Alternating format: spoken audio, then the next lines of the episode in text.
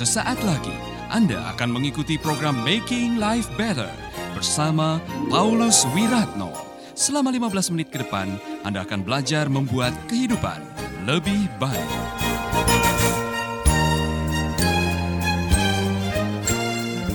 Baik, pagi hari ini saya mau melanjutkan topik khotbah saya mengenai kebiasaan orang beriman atau hobi orang yang beriman. Saudara-saudara, saya mendapatkan pewahyuan demi pewahyuan, rema demi rema setelah merenungkan, membaca kembali kisah orang-orang yang luar biasa.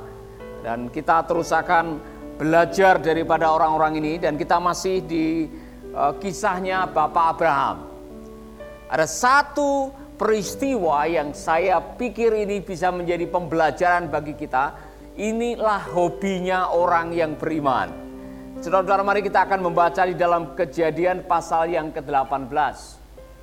Saudara akan menemukan sebuah kisah yang sangat menarik ketika Abraham berada di Mamre, dekat Hebron. Dan ada kalimat seperti ini, Tuhan menampakkan diri kepada Abraham dekat di dalam terjemahan sehari-hari pohon-pohon keramat tempat ibadat di Mamre. Pada waktu hari siang panas dan Abraham sedang duduk di pintu kemahnya. Kata Mamre muncul minimal enam kali. Dan Abraham berkali-kali datang ke tempat ini karena dia pernah mendapat suara dan penglihatan dari Tuhan. Sehingga dia membangun altar di Mamre. Di dekat pohon keramat. Nah saudara-saudara ada pelajaran yang luar biasa. Abraham bahkan minta dikuburkan di sini. Istrinya dikuburkan di sini. Jadi bahkan anaknya juga ada yang dikuburkan di sini. Jadi Mamre ini menjadi tempat historis. Karena di sinilah Abraham mendapatkan perjumpaan dengan Tuhan. Jadi dia suka berada di situ. Secara historis tempat ini sebetulnya memang sebelum Abraham datang sudah menjadi tempat keramat. Mungkin kalau saya bisa samakan di Indonesia atau di konteks orang Jawa, pohon terbatin oak tree itu dianggap pohon keramat. Kalau di tempat saya mungkin pohon beringin. Wah, kalau ada pohon beringin itu biasanya ada orang-orang yang mengkeramatkan pohon itu, ya kan? Kalau ingin bersemedi mendapatkan wangsit, duduk di pohon beringin atau semedi di situ. Dulu zaman buntutan tahu buntutan, nalo, nomor. Ya orang yang judi pakai nomor itu. Woi, saudara waktu zaman saya kecil itu banyak orang yang duduk di pohon beringin ingin mendapatkan kira-kira besok nomor apa yang keluar. Jadi pohon itu dikeramatkan, pohon uh, terbatin. Dan saudara-saudara Pelajaran apa yang bisa kita dapatkan dari uh, apa yang dilakukan oleh Abraham adalah pelajaran he position himself to encounter with God. Jadi dia memposisikan dirinya untuk berjumpa dengan Allahnya.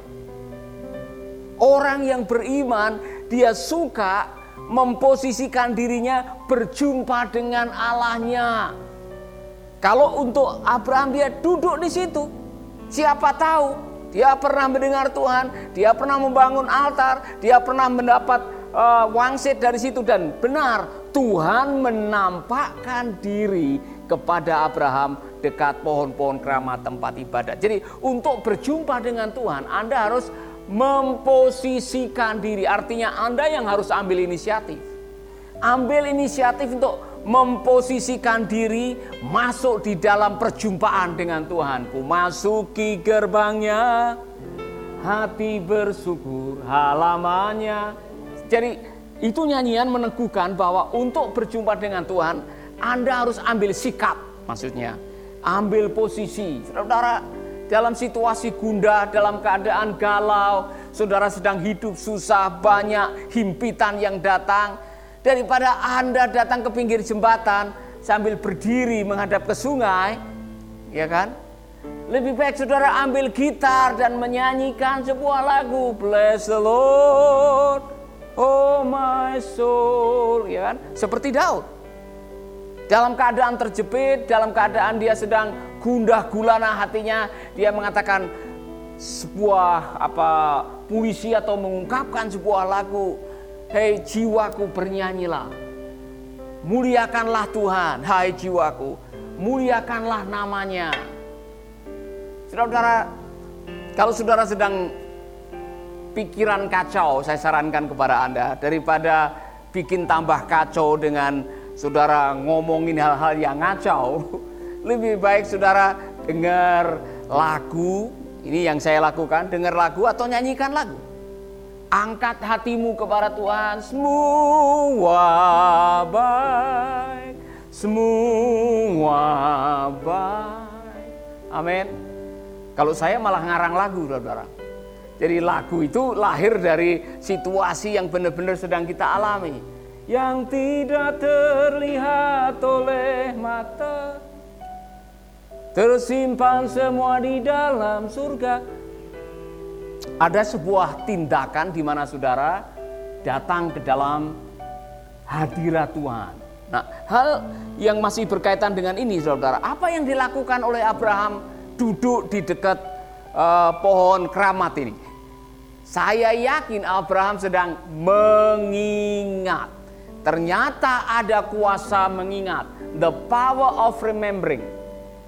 Ingat apa yang pernah dilakukan oleh nenek moyangmu. Ingat apa yang Tuhan sudah lakukan di Mesir. Ingat pada waktu mereka menyeberang. Ingat. Jadi saudara-saudara mengingat itu punya kekuatan untuk menguatkan atau menyegarkan kembali uh, fokus pikiran kita. Saya yakin di pasal yang ke-13 saudara ketemu bahwa Allah pernah meneguhkan kepada Abraham bahwa dia akan mendapatkan semua tanah. Setiap tanah yang kamu jelajahi aku berikan kepadamu. Di situ Tuhan mengatakan itu. Setelah itu saudara Abraham mendirikan altar. Anda masih bersama Paulus Wiratno di Making Life Better.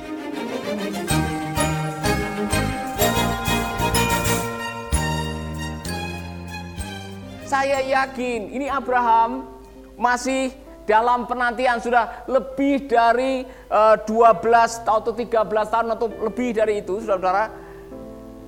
Mungkin boleh dibilang mungkin 24 tahun. Abraham sudah menanti 24 tahun dan dia belum mendapatkan anak.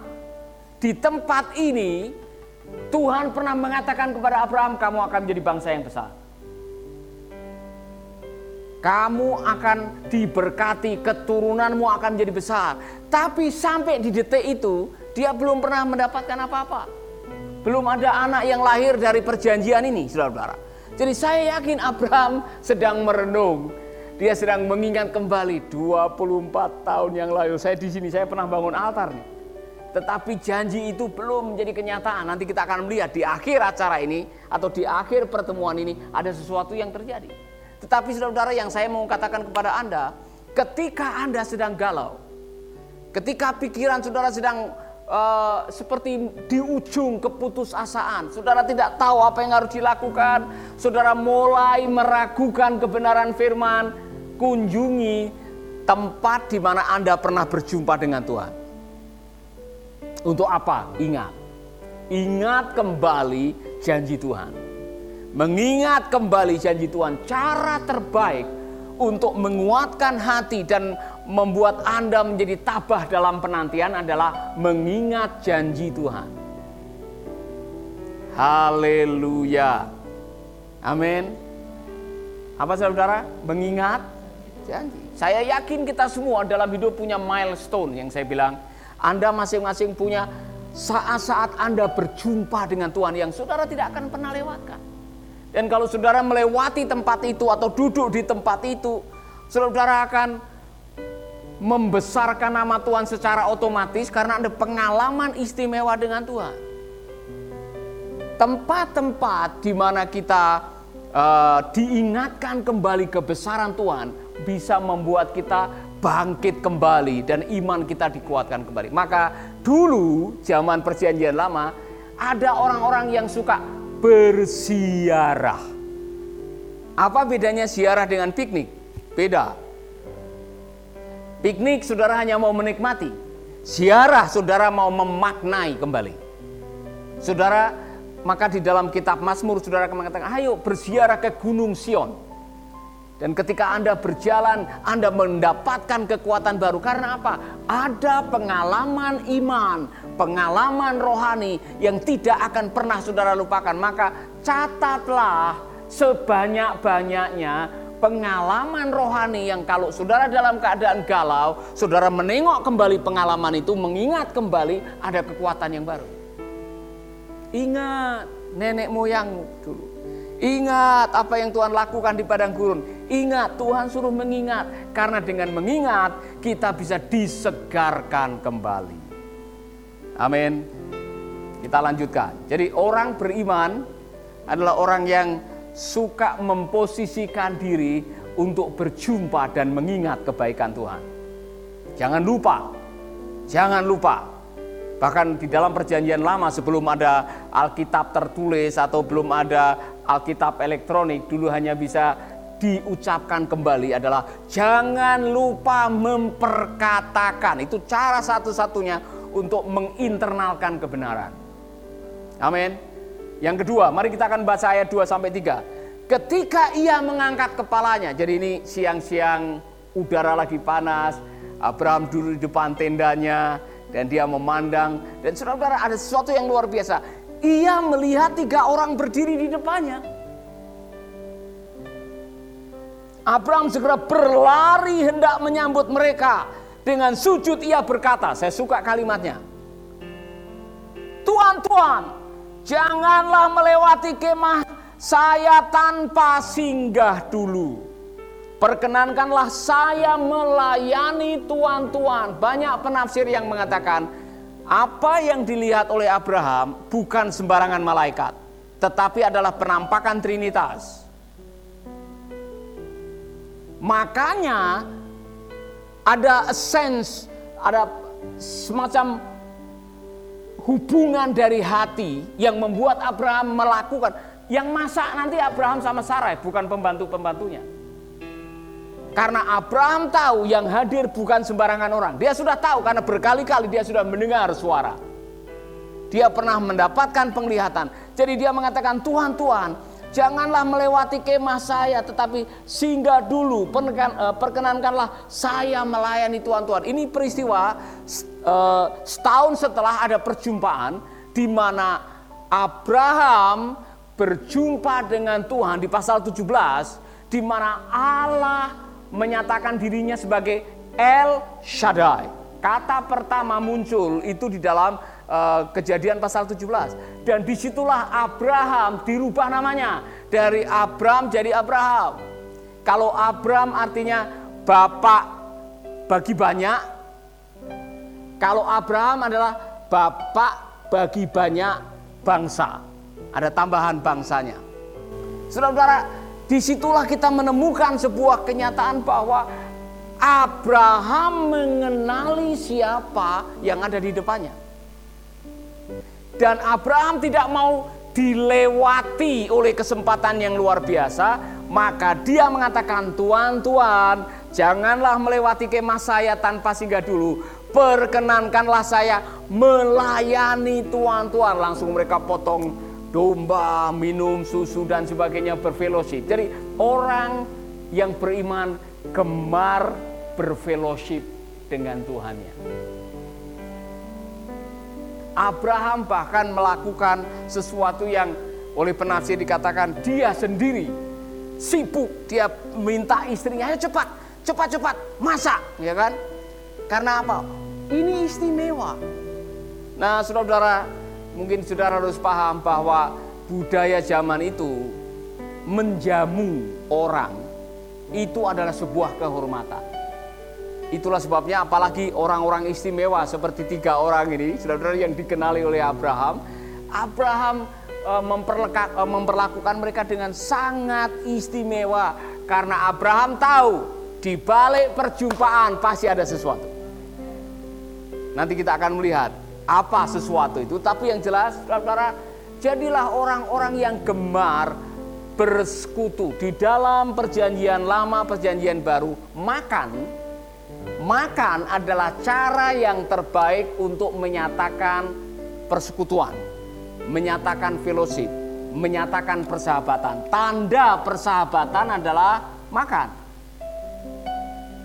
Makanya saudara Tuhan Yesus pernah mengatakan kepada dirinya sendiri, mengundang dirinya sendiri, ya kan? Sakius, turun. Aku mau makan di rumahmu. Dia yang ngundang dirinya sendiri, mau makan di rumahnya Sakius karena dia mau berfellowship dengan Sakius. Karena di balik fellowship itu ada sesuatu. Setiap kali Yesus membuka pikiran para murid, makan. Ya kan? Di balik makan itu ada pewahyuan. Masih ingat pada waktu para murid pada menyangka Tuhan itu sebagai hantu, hantu, hantu. Yesus tanya, ada makanan apa? Ya kan? Karena hantu itu tidak bisa makan.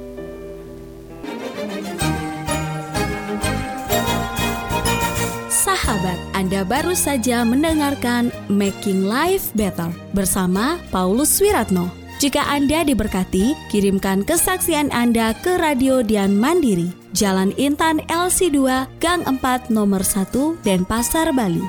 Kunjungi website kami di pauluswiratno.com, Facebook Paulus Wiratno. Hubungi kami di 0811 3901 144 dan 0811 3901 140. Sekali lagi 0811 3901 144 dan 0811 3901 140. Anda juga bisa mendengarkan program Making Life Better ini melalui handphone Anda. Download aplikasinya di Play Store atau App Store. Sahabat, mari dukung program Making Life Better ini melalui rekening BCA 6690305525. Sekali lagi, rekening BCA 6690305525 atas nama Wiratno. Terima kasih, Tuhan Yesus memberkati.